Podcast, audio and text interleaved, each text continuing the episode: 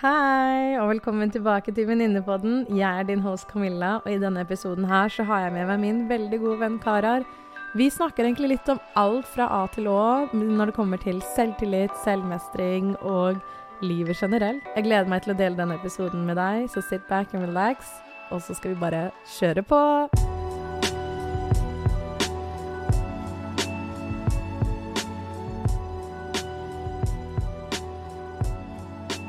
Altså, det orker jeg ikke å høre på din smatting. Ikke, ikke, ikke gjør det. Jeg kommer til å, jeg kommer til å klikke. Så kommer jeg til å ligge på gulvet fordi jeg hopper over bordet og sitter fast med headsetet. Så det går ikke at vi skal slåss her inne. Hei, karar. Hallo! Hallo. Velkommen til Venninnepodden. Takk skal du ha. Det er veldig, veldig hyggelig å ha deg her. Jeg føler meg som en venninnekompis, så det, dette blir omdøpt til kompis, eh, Kompispodden. Ja, men jeg er jo i hvert fall din venninne. Du er min kompis, Stemmer. Ja. men jeg er din venninne. ja, veldig hyggelig å være her. Jeg har jo fulgt den reisen i tre år. Ja, vi vet det. Vi vet at jeg har snakket om dette der i tre år. Alle har hørt det. Men du har jo faktisk vært med på denne reisen i tre år. Det, det stemmer. For jeg tror kanskje du var en av de første jeg delte denne her ideen med, faktisk.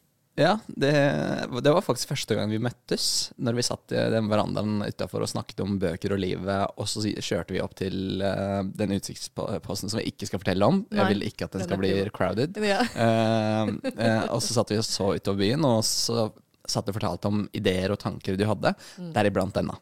ja. Og dette er jo tre år siden nå. Det er tre år siden nå. We have come a long way. Heldigvis. Jeg tror ikke du ville høre den sangstemmen min videre. Nei, vi trenger faktisk ikke det. Den kan holde seg til eh, nattklubben. Men eh, først og fremst, eh, kan ikke du ta en liten intro på hvem, hvem er Karar? Hvem er Karar? Karar, eh, 29 år, eh, Oslo-borger. Arab. Arab. Iraker. Iraker. Eh, født i Irak, vokst opp eh, i Irak, flyttet til Norge når jeg var eh, What else? Jobber som personlig trener, jobber som foreleser, jobber som PT-leder. En del jobber, jobber som PT-mentor, og så hobby-flipping av boliger. Ja. En ting jeg tenker du ikke er også viktig å nevne, er du er jo en sånn evig søk etter selvutvikling, mentalutvikling, alt. That's what I love. Uh, jeg, jeg har faktisk tatt en uh, NLP. For mm. de av dere som ikke vet hva NLP er, så er det eh, nevrolingvistisk programmering, som det heter så fancy. Uh, det er rett og slett uh, mentaltrener. Eh, Det er det samme som samme metode som Tony Robbins bruker når han eh, både lærer, lærer folk, og den samme metoden som han bruker når han coacher og holder foredrag. Eh, det heter NLP, og den tok jeg i 2020. Mm.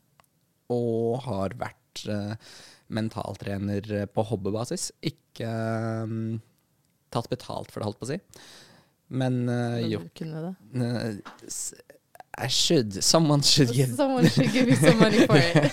uh, men nei, det, det, er, det er en greie som jeg har lyst til å holde for meg selv i form av å bruke både med meg selv og med mine omgivelser, altså venner og familie, Mm. eh, som jeg bruker eh, veldig mye tid på. Og så mm, er jeg veldig glad i eh, alt av selvutviklingsbøker, eh, podcaster, serier, you name it.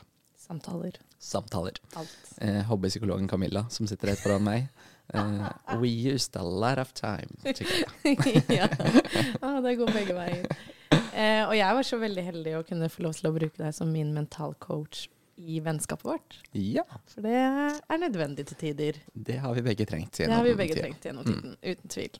Du og jeg vi møttes jo på en veranda i 2020, altså tre år siden, Mm. og hadde vel sånn Det andre trodde var kjærlighet for første blikk, men vi hadde bare vennskapskjærlighet for første blikk. Ja, det var Det en annen type kjærlighet for første blikk. En annen type kjærlighet for første blikk. Mm.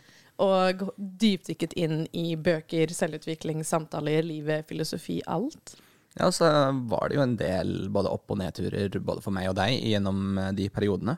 Mm. Og da ble eh, vennskapet eh, utviklet desto sterkere gjennom For å ikke nevne en veldig spesifikk hendelse som jeg vet du smiler fordi du husker veldig godt selv. Det er jo da når vi gikk rundt Sognsvann. Da var du jo psykolog på ditt beste.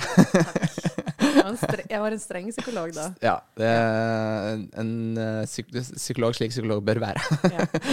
Noen ganger trenger man tøff love når man går gjennom visse deler av livet. Ja.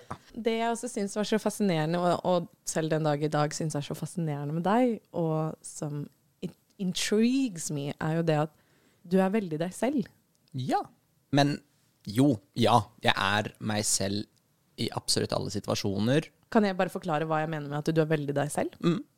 For meg så opplever jeg deg som en person som våger å gå utenfor det som er A4.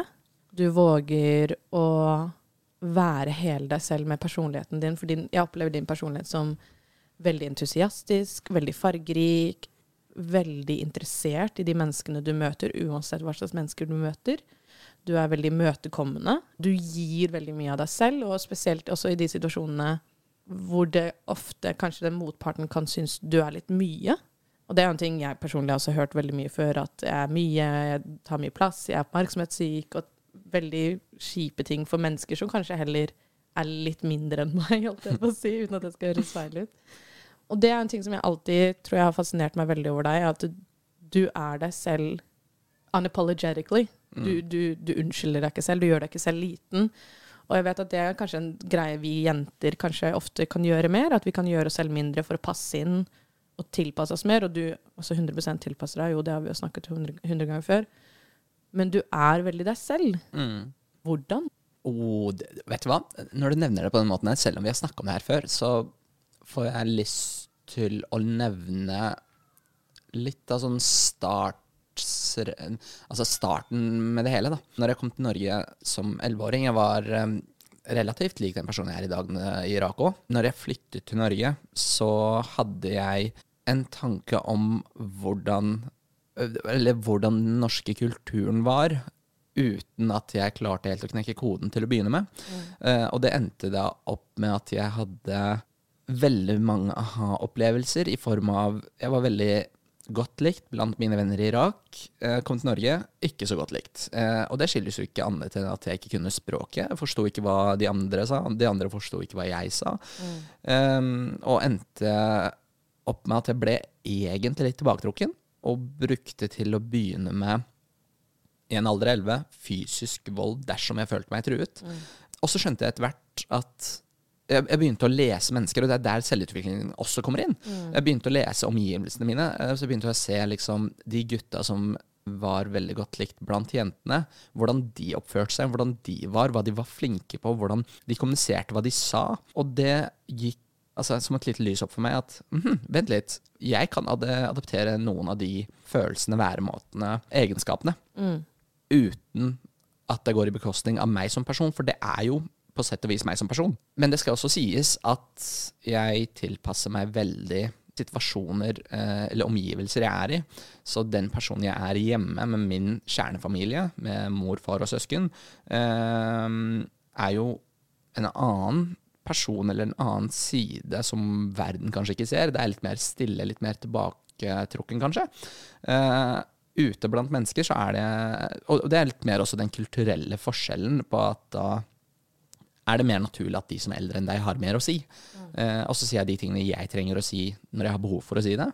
Eh, mens ute så er jeg veldig opptatt av at alle mennesker skal ha, eh, ha det bra og føle seg ve og vel med, både rundt meg og i settingen vi er i sammen. Det fører videre til at jeg gir ekstra av meg selv for at mennesker skal ha det bra, og da unnskylder ikke jeg meg for å være blid, glad, fornøyd, sånn som jeg tror stort sett oppfattes som. Du er en av få som kan se hvor jeg, hvor jeg har en sånn low-periode.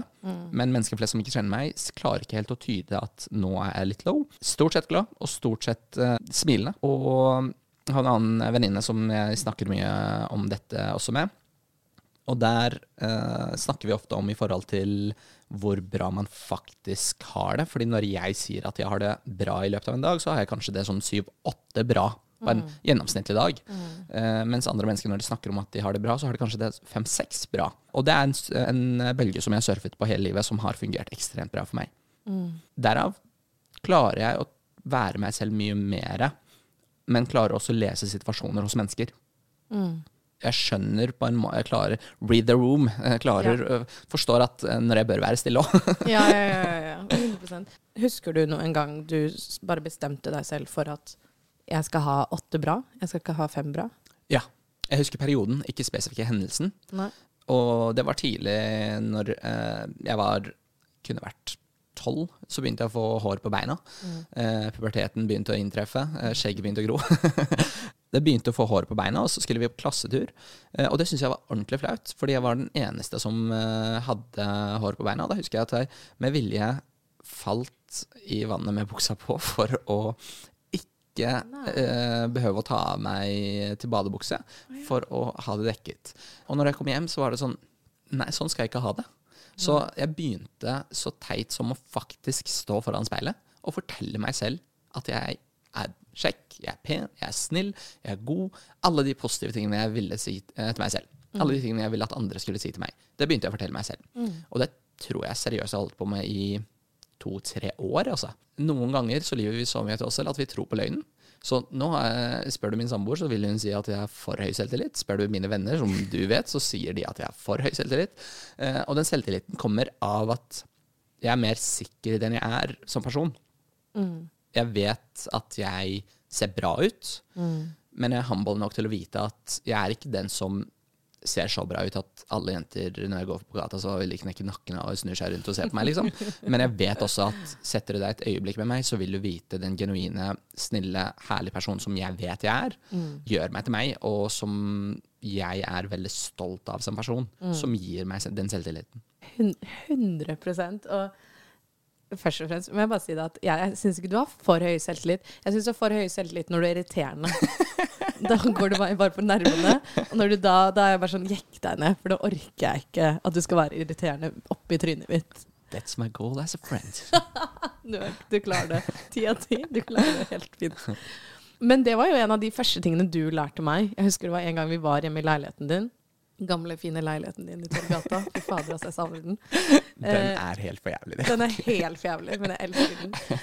Men, og det var en gang du bare, du bare stelte deg ved siden av meg og bare satte meg foran speilet og så bare si nå skal, du gi meg, nå skal du si deg selv tre komplimenter. På den tiden så var jeg relativt komfortabel med det. Men hadde du spurt meg om det to år tidligere, eller ett år tidligere, så hadde jeg ikke klart, å, klart det. Men altså, det, det er jo det som er rare med det, at første halvår Ja. Kjemperart.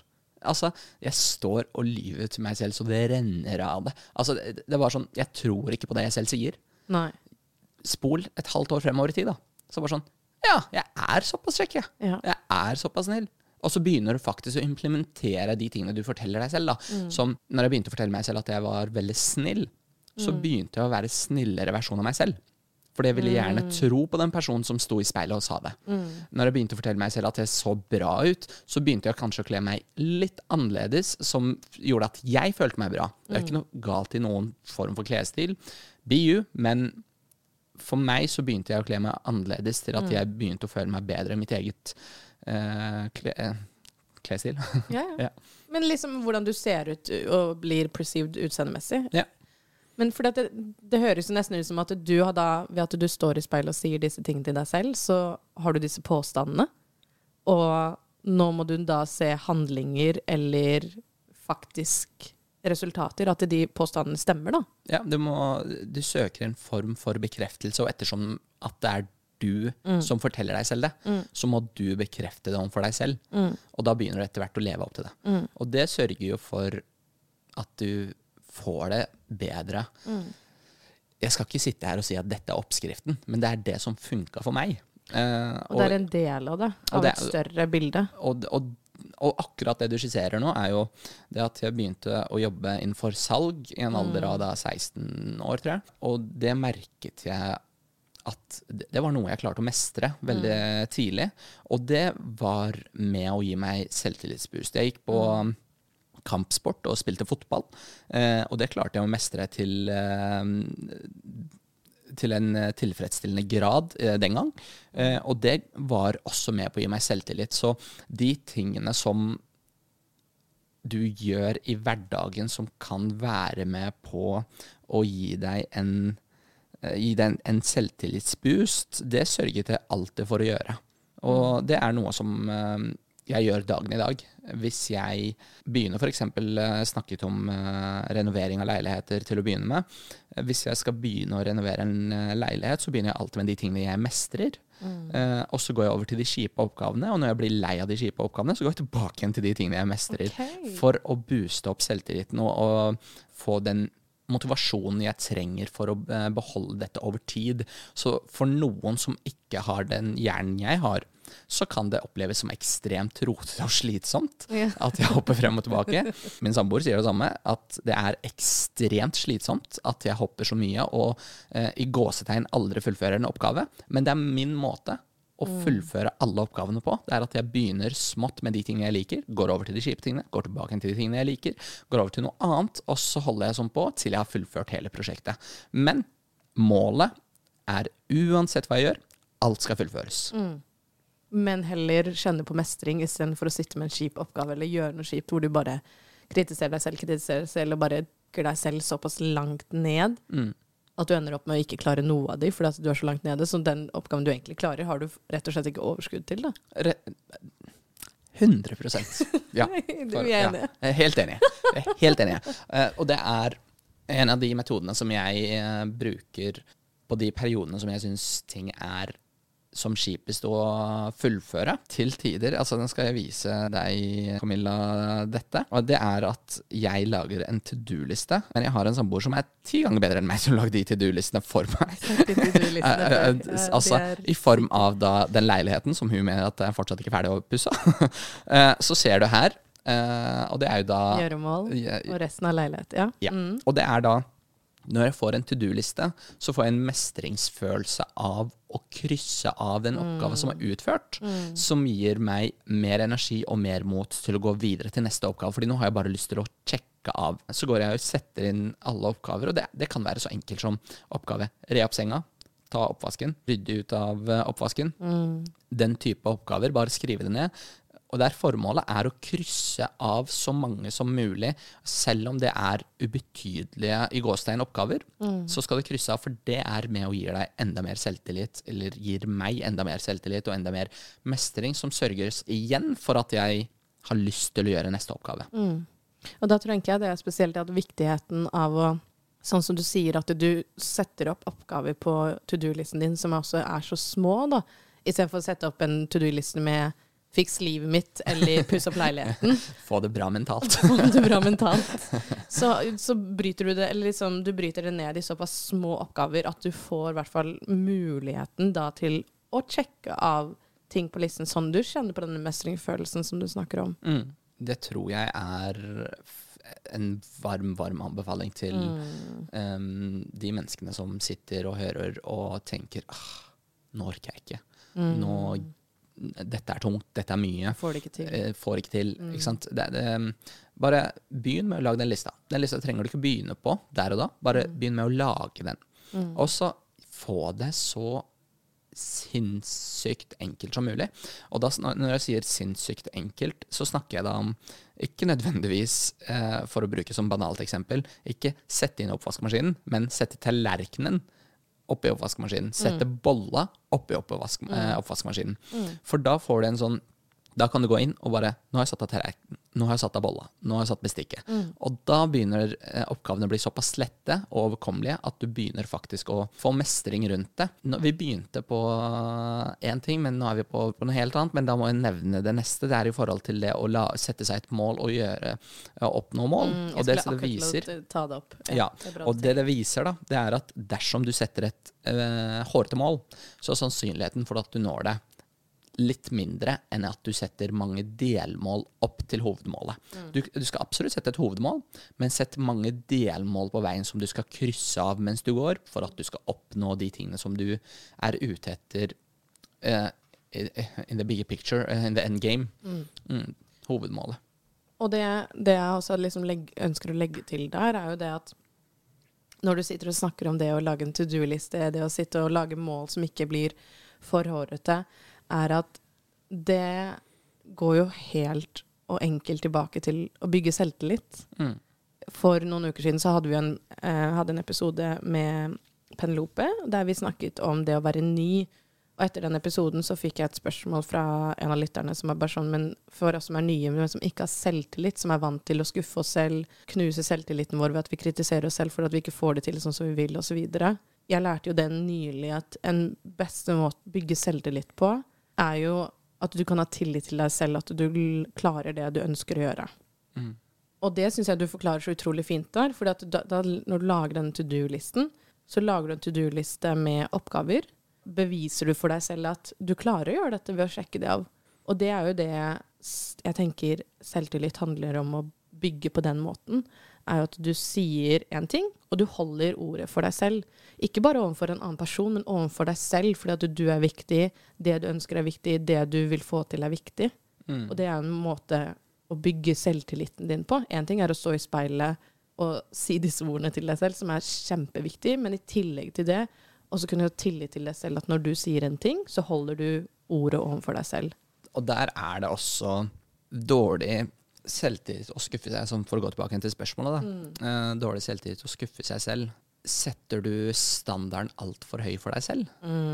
Eller er det faktisk at du ikke får til noen verdens ting? Og vet du hva? Jeg skal spille på den andre. Du får ikke til noen verdens ting. Du er elendig i det du gjør. Da må jeg stille deg spørsmålet. Er du en datter? En venninne? En kompis? Sønn? Eh, Er du en kjæreste? Eh, Er du elev? Altså, du, du er kollega. Du er, du er så mangt eh, i livet annet enn bare den ene tingen. Og hvis du stiller deg selv spørsmålet Er jeg faktisk en dårlig venn? Er jeg en dårlig kjæreste? Er jeg en dårlig kollega? Er jeg eh, Ikke sant? Um, og det er så mange aspekter ved deg selv enn den ene tingen. Så, og du, Camille, fortalte meg noe. Jeg husker, og det, det du sa da, var jeg, eh, Livet er ikke regnet. Det regner nå. Noe i den duren, sa du. Okay. Jeg tror eh, jeg har sagt mye i løpet av de siste tre årene. Eh, og det, er sånn å ikke se på at det regner i livet, men det regner i dag. Morgendagen vet vi ingenting om. Eh, vi vet, vi, har, vi kan sjekke Yr og vi kan sjekke pent.no, og da vet vi at uh, det er ikke alltid det som står der, stemmer. Eh, det står regn, og så er sola så fin som bare det, og vice versa. Så det, det, det jeg prøver eh, faktisk å si, det er at du er så mye mer enn den dårlige tingen, så da må du spørre deg selv hva er det jeg er dårlig på? Og når du får greie med deg selv på Ok, vet, vet du hva? Jeg er en um, dårlig sønn. Da må du stille deg neste spørsmål. Hva er det som gjør meg til en god sønn? Og hva er det andre mener er bra med meg? Ikke, ikke hva som er dårlig, for du har allerede spesifisert for deg selv at du er en dårlig sønn. Mm. må stille neste, neste spørsmål. Hva syns de at du er bra på? Eller gjør bra i livet? Eller som en sønn. Um, og når du brekker de tingene ned i detalj, så vil du fort finne ut av at du som altså nå er vi dype, men du som menneske er så ekstremt mye mer betydningsfull enn at du det regner i dag, da er hele livet kjipt. For det fins veldig mange andre aspekter i livet som vil være så godt for deg, og som vil være noe du kan bygge på, og noe som vil gi deg mer mestring, mer selvtillit og mer tro på den personen du er. Fordi ja, så går det kanskje til helvete med den eh, kjærlighetshistorien. Men du er så ekstremt bra sønn at eh, det er ikke kjærlighetshistorien som skal definere deg. Nei. Det er eh, ikke karakterene på skolen som skal definere deg. Det er ikke den arbeidsoppgaven på jobb som du har løst eller ikke, som skal nødvendigvis definere deg. La den 100% definere deg dersom den gir deg mestringsfølelse. Men søren ikke om den eh, drar deg ned. Da må du finne noe annet. Ah, men til syvende og sist, tenk at du skal fullføre. Fordi jo flere oppgaver du fullfører, jo bedre mestring og selvtillit og følelse får du av det. Men også som du sier, at eh, vi lar oss definere av én ting. At vi sier at eh, vi går gjennom et kjærlighetsbrudd, da. Og så senker man på at man er mislykket, man er dårlig, man er ikke elskbar, man er en dårlig partner osv. Og, og kritiserer seg selv herifra til månen. Den ene delen trenger jo ikke definere deg, hele deg. Du er jo mye mer. Og i hvert fall hvis du da ser at ok, men dette funker ikke, men det er så mange andre ting som funker, og som jeg klarer, og som jeg mestrer, og som jeg får til, og som jeg er god på, og som jeg møter opp og stiller opp og gjør mitt beste. Men akkurat nå så er den delen av livet mitt litt kjipt, og det er en del av historien min, liksom. Kan jeg få lov til å virkelig stille deg opp til veggs her nå? Ja, kjør på, kjør. Kan du nevne én ting som har skjedd deg de siste 24 timene, som har gitt deg selvtillit, bedre selvfølelse, en god følelse, hva enn det måtte være? De siste 24 timene. De siste 24 timene, det som har gitt meg god selvfølelse og har bygget selvtilliten min, er at eh, du som kjenner meg veldig, veldig godt Mm. Er du spent på hva jeg skal si nå? Veldig. Men eh, jeg har hatt litt eh, tøffe dager i det siste. Jeg Mm. syns sommeren er en tøff tid, for jeg får et veldig sånn behov for å være superproduktiv. Få ut alt mulig av dagen. Jeg skal stå opp tidlig, jeg skal trene og det ene og det andre. Og de siste dagene så har jeg hatt et ekstremt behov for å bare sove. Mm. Altså, ikke spør meg hva som skjer, men jeg, bare, jeg sover så mye om dagen. Jeg er kjempesliten, og jeg tror jeg bare er mentalt sliten om dagen. Jeg har ikke trent og ikke gått noen lange turer. Jeg bare jeg er sliten. Og så i går kveld så lå jeg hjemme og slappet av og drev og tekstet litt med en venninne. Og så sa hun bare sånn Ja, men kom bort hvis du vil. Og så var jeg bare sånn Jeg hadde jo mye ting på to do-listen min som jeg ønsket å få gjort. Mm. Så jeg var bare sånn Du, det passer ikke, jeg har mye å gjøre. Hun bare OK, greit. Og så var jeg bare sånn Men Camilla, nå har du ikke noe Du gjør ingen av de tingene som du har på to do-listen din. Du ligger bare og isolerer deg selv og bare har det kjipt å se på en film. Og bare innså at ok, nå har jeg det ikke godt av å være alene. Og det er en ting jeg jobber veldig mye om dagen, er å vite forskjellen på når er det godt for meg å være alene, og når er det usunt for meg å være alene. Og så Mm. bare innså jeg det at nå merker jeg at det er usunt for meg å være alene. Så jeg endte opp med å bare dra ned til henne. Hun holder på med sitt og tar på seg ansiktsmaske og fikser seg, så jeg sitter bare i sofaen hennes og slapper av og hører på samtalene våre, eller spiller spill på mobilen, eller bare scroller litt på diverse sosiale medier. Og så bare sa hun det, tok hun en skikkelig alvorsprat med meg, og var ordentlig streng og var bare sånn Hvis du har det tøft, så kom ned hit, eller å sitte her i sofaen, og være her. Og det å kunne ha de samtalene med henne hvor jeg kan tillate meg selv å være sårbar, det har bygget veldig mye selvtillit for meg, fordi at det å tillate meg selv å ikke stenge meg inne når jeg har det kjipt, men også faktisk møte de vennene mine som stiller opp, la de være en god venn, da, og la de støtte meg. Mm. Det har hjulpet meg mye de siste 24 timene med å bygge min selvtillit ved å vite at jeg kan ta vare på meg selv når jeg har det tøft. Og jeg kan også tillate andre å hjelpe meg å ta vare på meg når jeg også har det tøft. At jeg, ikke, jeg må ikke gjøre alt alene. Nei. Og der har jeg ofte vært min verste fiende. Og du har jo vært en av de Seriously? Shut the fuck up. du har jo vært en av de som jeg ofte ringer når jeg har det veldig tøft. Og Kjøreturer? kjøreturer. Sette oss i bilen, sette på noe musikk. Ofte sette på en eller annen mental health utviklings... Jeg vet ikke hva vi skal kalle det, podkast. og vi bare Vi snakker ikke sammen engang, men bare hører. Men det er alltid en eller annen podkast du setter på med bevissthet av at her er det noe Camilla trenger å høre. Ja, det, det, er, det er ikke det er ikke til enhver tid du trenger å kommunisere høyt hvordan du har det, for at vi har jo den dype relasjonen til at jeg vet hvordan du har det. Er det jo veldig ofte sånn, akkurat som du skisserer. For meg, mine aller, aller nærmeste venner, det er de vennene som jeg i gåsetegn snakker minst med. Det, det har perspektiv Jeg vet at du sitter og smiler akkurat nå. Irriterende nok. Eh, og det, det, har, eh, det har seg slik at du vet at du er den første jeg ringer dersom jeg har behov for å prate, eller dersom noe stort skjer i livet. Eh, eller dersom jeg har behov for, hjelp for noe, eh, så vet du at jeg ringer deg. Men jeg kan også møte deg der akkurat som du skisserer, der du skal sitte på sofaen. Jeg gidder ikke engang å se på deg. Jeg skal sitte der på telefonen. Jeg skal vite at du sitter ved siden av, og jeg gidder ikke å si noe. Og det er mer enn nok for meg. Ja. Så et vennskap trenger ikke alltid defineres i form av hvor mye snakker vi sammen. For meg så er det alltid de relasjonene som jeg vet er der uansett hva, som jeg setter mest pris på. Uten at jeg nødvendigvis må bevise dem, eller de beviser meg at de er der med å sende en tekstmelding og spørre om jeg har det bra. Men da også at de tekstmeldingene kommer, nettopp i sånne situasjoner som du nevner, at man sitter alene, har det ikke bra, så skal du vite at du skal bare komme over.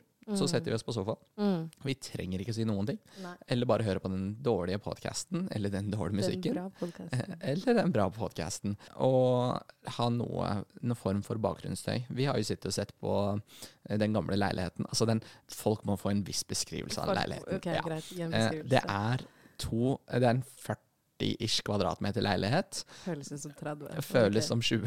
Føles som 20. Og så er det da to vinduer ut, ellers er leiligheten bekmørk. Det ser ut som en pappboks, liksom. Ja, det er levd i en liten pappboks. Eh, Gutte, gutteleilighet de luxe uten planter. Sånn bachelor. Ja, Sånn bachelorleilighet. billigste Ja. møblene fra Ikea og alt. Jeg tror jeg faktisk var på Gisport et eller annet sted. uh, hvis, ja, og hvis du ser leiligheten nå, så vil du nok stille deg spørsmålet Hvem er du? versus hvem du var. Går det greit med? Nå er det planter og går rundt og vanner de plantene og klipper eh, blader og steller ja, ja. i stand. Elsker det. Fineste Og- leiligheten nå. Men den leiligheten, da, i hvert fall når vi bare satt der og så på The Big Bang Theory, Mm. og spiste den der pastaen min som er overloadet av ost, og ikke sier en damn shit til hverandre, er noe av de beste minnene òg. 100% Ja, så vennskap kan defineres på mange måter. Men det er også din plikt som venninne, og sånn som jeg har sagt det veldig mange ganger. Jeg kan ikke alltid se deg, Mm. Fordi når jeg ser deg, så kan jeg stort sett se hvordan du har det. Mm. Dersom jeg ikke ser deg, så er det ditt ansvar å si ifra til meg dersom du trenger at jeg skal være der. Mm. Og hører ikke jeg noe, så forventer jeg i gåsetegn at du har det bra. Mm. Hvis ikke, så forventer jeg at du sier i hvert fall noe om det. Men det er jo en ekstremt stor tillit du har til vennskapene dine. Det roser jeg deg virkelig for, men det er jo en veldig stor igjen tilbake til tillit og selvtillit og alt tillit. Mm. Men det er jo en veldig stor tillit du har til vennskapene også, da. Mm. Den type vennskap etableres jo ikke over natta, Nei. og med alle typer mennesker. Fordi noen har behov for at jeg skal ta kontakt veldig mye oftere. Mm. Og de opplever bare at de blir skuffet gang på gang. Stakkars mennesker. Men det, det er at livet mitt skjer, og jeg er der. Jeg sørger for å fortelle dem til enhver tid at jeg lover, trenger du meg, så vil jeg være der. Mm. Men bare vit at jeg er elendig på å sende den meldingen. Mm. Elendig på å ta den telefonen. Men hva, hva vil du si til hvis det er noen som sitter nå og hører på og har en, går gjennom en veldig tøff tid av livet sitt, hvor de Mm. opplever at de kanskje har en maske på for alle menneskene rundt seg, og ikke vet helt hvordan de skal komme seg ut av den tøffe perioden, Mm. eh, og uansett fint verktøy å kunne ha til den dagen man går gjennom en tøff periode. Ja. Hvor, hvordan, hvordan? Det var noe jeg hørte for seks-syv år siden, som jeg var flink på. Mhm. Var. Og det var ta opp telefonen din nå, Mhm. så sett på pause. Mm. Ta opp telefonen din. Mm. Eh, eller vent med å sette på pause. Ta opp telefonen først. og hør instruksene. Ta opp pause. Ok, bra, jeg bare rekkefølgen feil. Um, ta opp telefonen din. Finn en i kontaktlista di som du, er, eh, som du bryr deg om, som du er glad i, som du ikke har snakket med kanskje på lenge, som du ikke har hørt noe fra, som du Mm. er bekymret for, som du ønsker å fortelle at du kanskje ikke har det bra selv til. Mm.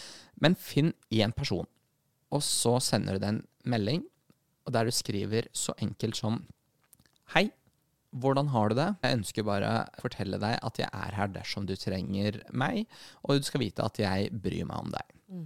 Skriv de ordene som passer deg best, noe i den duren, og så sender du den meldingen.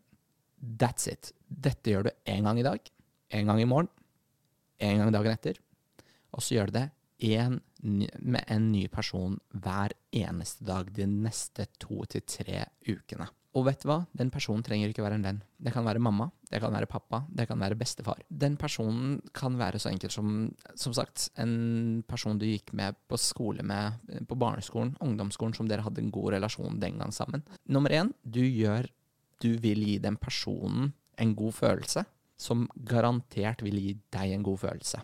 Mm. Jeg har aldri sendt en slik melding og ikke fått svar, og eller fått negativt svar tilbake igjen. Mm. Det du kan begynne med, det er å gjøre alt så godt for andre som jeg kan love deg vil gi deg tilbake en godt. Så Og det gjør godt for andre, som gjør at det kan hjelpe deg når du har det tøft. helt uh, Ja. I tillegg til det så vil du bli overrasket over hvordan visse kontakter eller visse personer vil begynne å etablere ny kontakt med deg. Mm. Og plutselig er du en av de nærmeste menneskene de har om én til to måneder. Mm. Og noen mennesker blir bare glad av å høre, eh, se den meldingen fra deg, og vil Bare bli respondere. sett. Og bli sett. Mm. Så som sagt, paus det, dette nå. Ta telefonen din, og send den meldingen. Da venter vi på at de gjør det. Velkommen tilbake. Håper du har sendt melding til noen. Jeg skal i hvert fall gjøre det nå etter vi har spilt inn ferdig. Jeg, jeg lover jeg skal uh, sitte å si, over skuldra di og se til at den meldingen blir sendt. Ja. Person skal få den meldingen. Men jeg, jeg tenker med en gang fra mine perioder hvor jeg har hatt det veldig tøft, så syns jo jeg jeg har liksom nesten ikke kapasitet til å ta til meg hvordan andre har det, eller jeg syns det er slitsomt å ta stilling til meldinger og alt det når jeg har hatt det vanskelig. Mm. Liksom, hvordan skal en person som syns det er vanskelig, Gjøre nettopp det. gjøre nettopp det her? Altså, Man skal ikke alltid kaste stein i glasshus. Og hvis du, hvis du ser mine meldinger nå, Camilla, så står det jo 23. Så jeg, jeg er jo jeg dårlig på å åpne meldinger òg. Hackeren av de Eh, notifikasjonene dine. Jeg har masse notifikasjon, notifikasjoner. Notifikasjoner.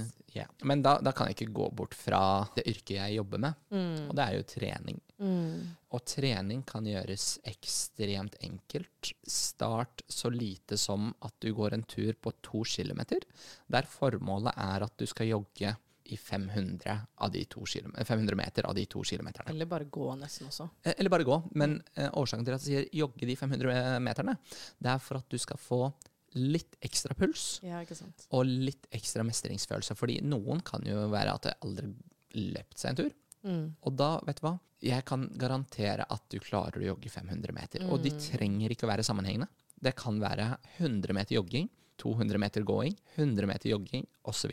Mm. Det vil gi deg en mestringsfølelse dersom du ikke har gjort det før. Har du gjort det før, så gå og ta deg en treningsøkt som du vil gi deg, gi deg, gjøre deg litt ekstra sliten. Mm. Det er jo de endorfinene i kroppen som vil eh, gå bananas i kroppen når eh, du begynner å, å foreta deg noen form for fysisk, fysisk aktivitet, Mm. som vil gi deg en mestringsfølelse og en stimuli som vil gjøre deg glad. Mm. Til de som hører på, som ønsker å prøve dette, som ikke har trent så mye før, Mm. for guds skyld ikke, ikke tren hardt. Nei, absolutt ikke ikke. Det er formålet. det verste. Det er ikke formålet. Det vil ikke gi ekstreme mestringsfølelser mer enn nødvendig. Bare Det ikke gjennomfør.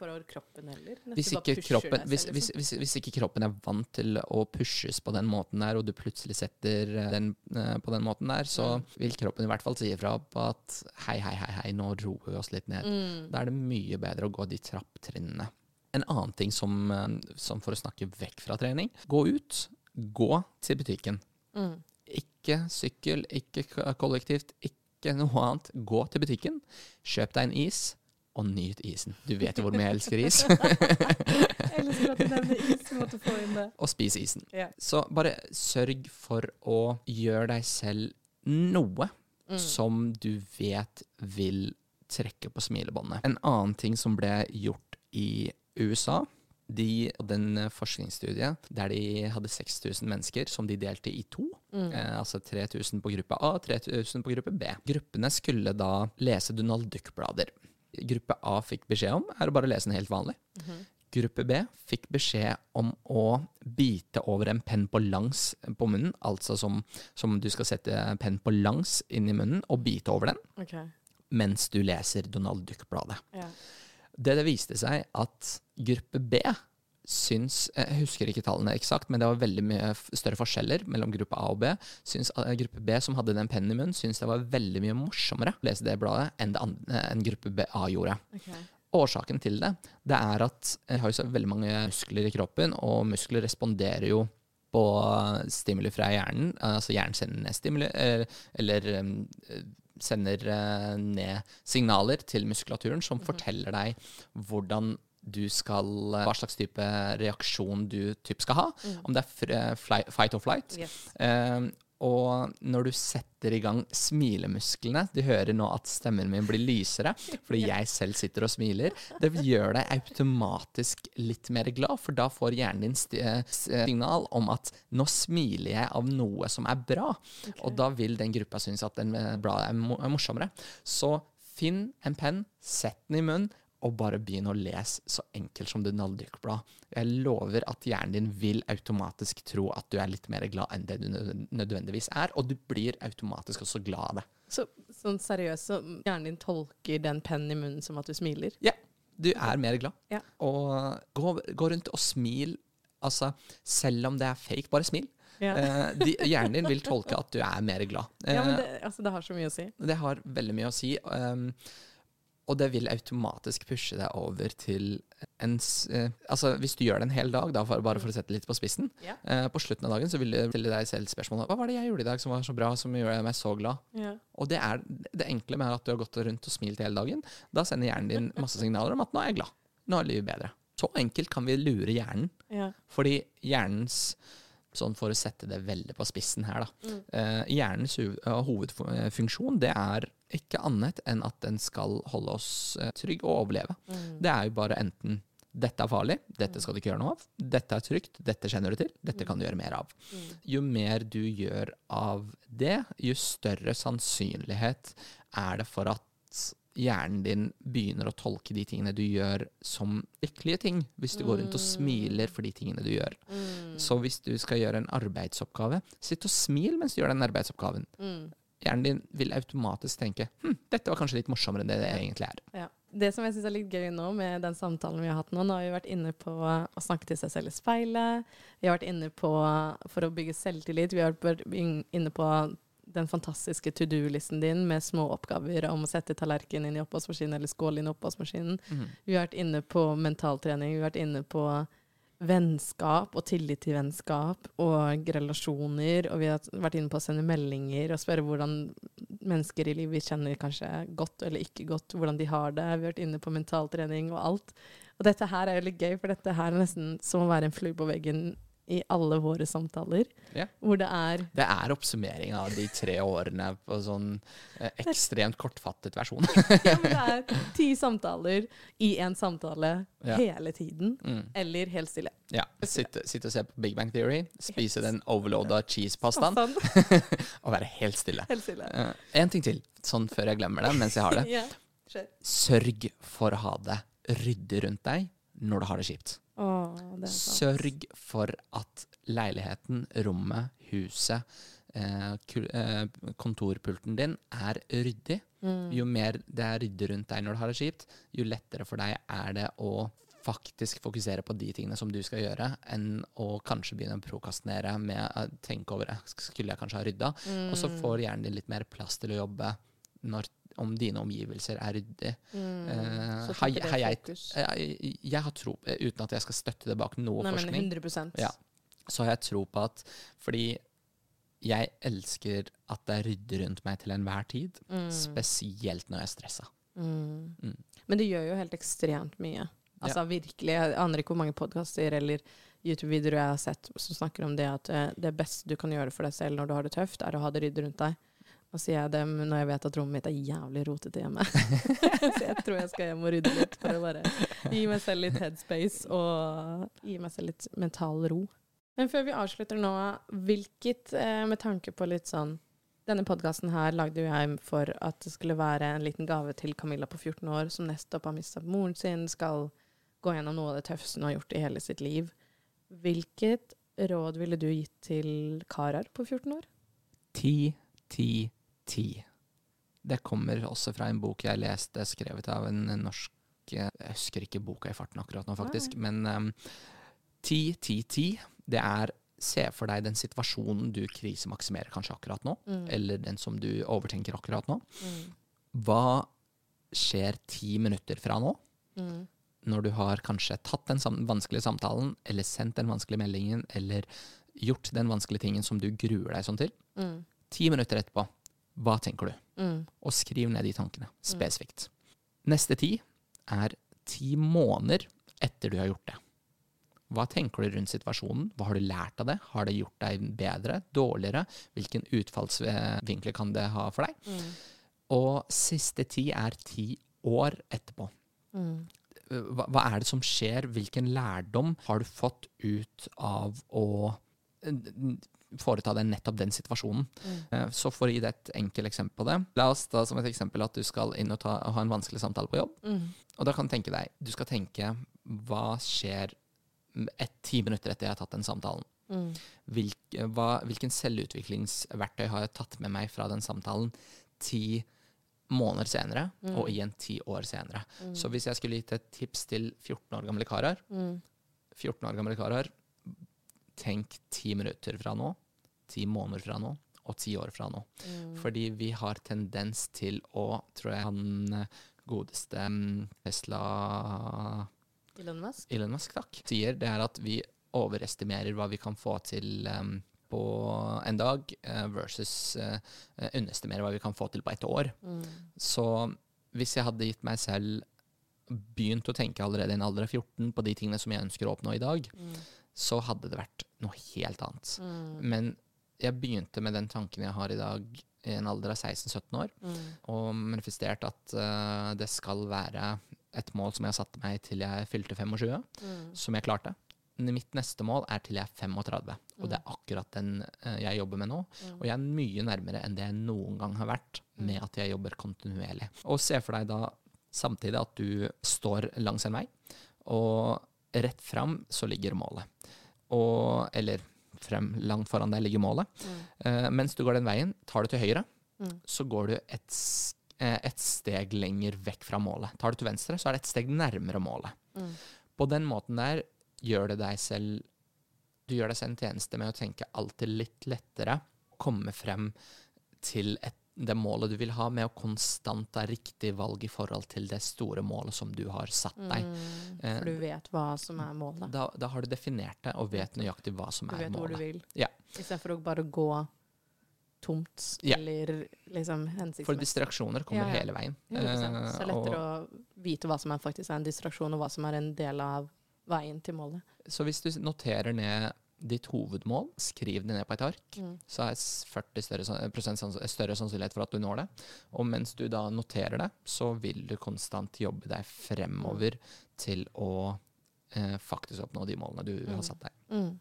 Nei, skikkelig kult. Tusen takk, Arar. Må bare si tusen takk for at du har vært med i dag og delt så mye, og delt så mye av et prakteksempel til hva våre hverdagssamtaler er. Mm. Du er jo, Takk, det samme.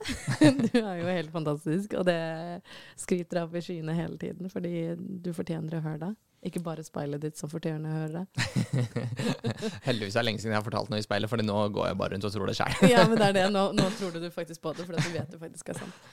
Men har du lyst til å ta outroen til podkasten? Uten eh, at du hørte på i dag. Som for eksempel. Tusen takk for at du får invitasjonen, først og fremst. Eh, takk for at eh, jeg får ta del av ditt lille univers. Egentlig så skulle ikke dette vært en podcast-episode, det skulle vært podcast-maraton, fordi vi har altfor mye å snakke om til enhver tid. Du er PT-trener, og vi har snakket om trening i fem minutter. Liksom. Det er eh, kjempe, kjempekjekt å kunne være her. Eh, Til dere der hjemme, reis deg opp og gjør én fucking bra ting som det gjør deg glad her og nå. Og smil med den forbannede pennen i, hånd, øh, i hånda. Penn i hånda.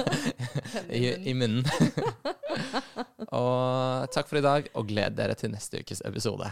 Husk inn på Spotify. Fem stjerner, følg og del med dine venner. Og det som gjør Camilla litt ekstra glad, okay. er dersom du setter en story på Instagram Nei, som kan deles videre. For da er det flere mennesker som kan få dette med seg. Send det gjerne til en venninne eller en kompis som trenger å høre noe av det vi har snakket om, eller noen av de andre episodene. Takk, kjære. Much love to all of you guys. Much love to all of you guys. Takk for at dere hørte på, takk for at dere var med. Og vi poddes igjen neste uke. Ha det, karer. Hei då.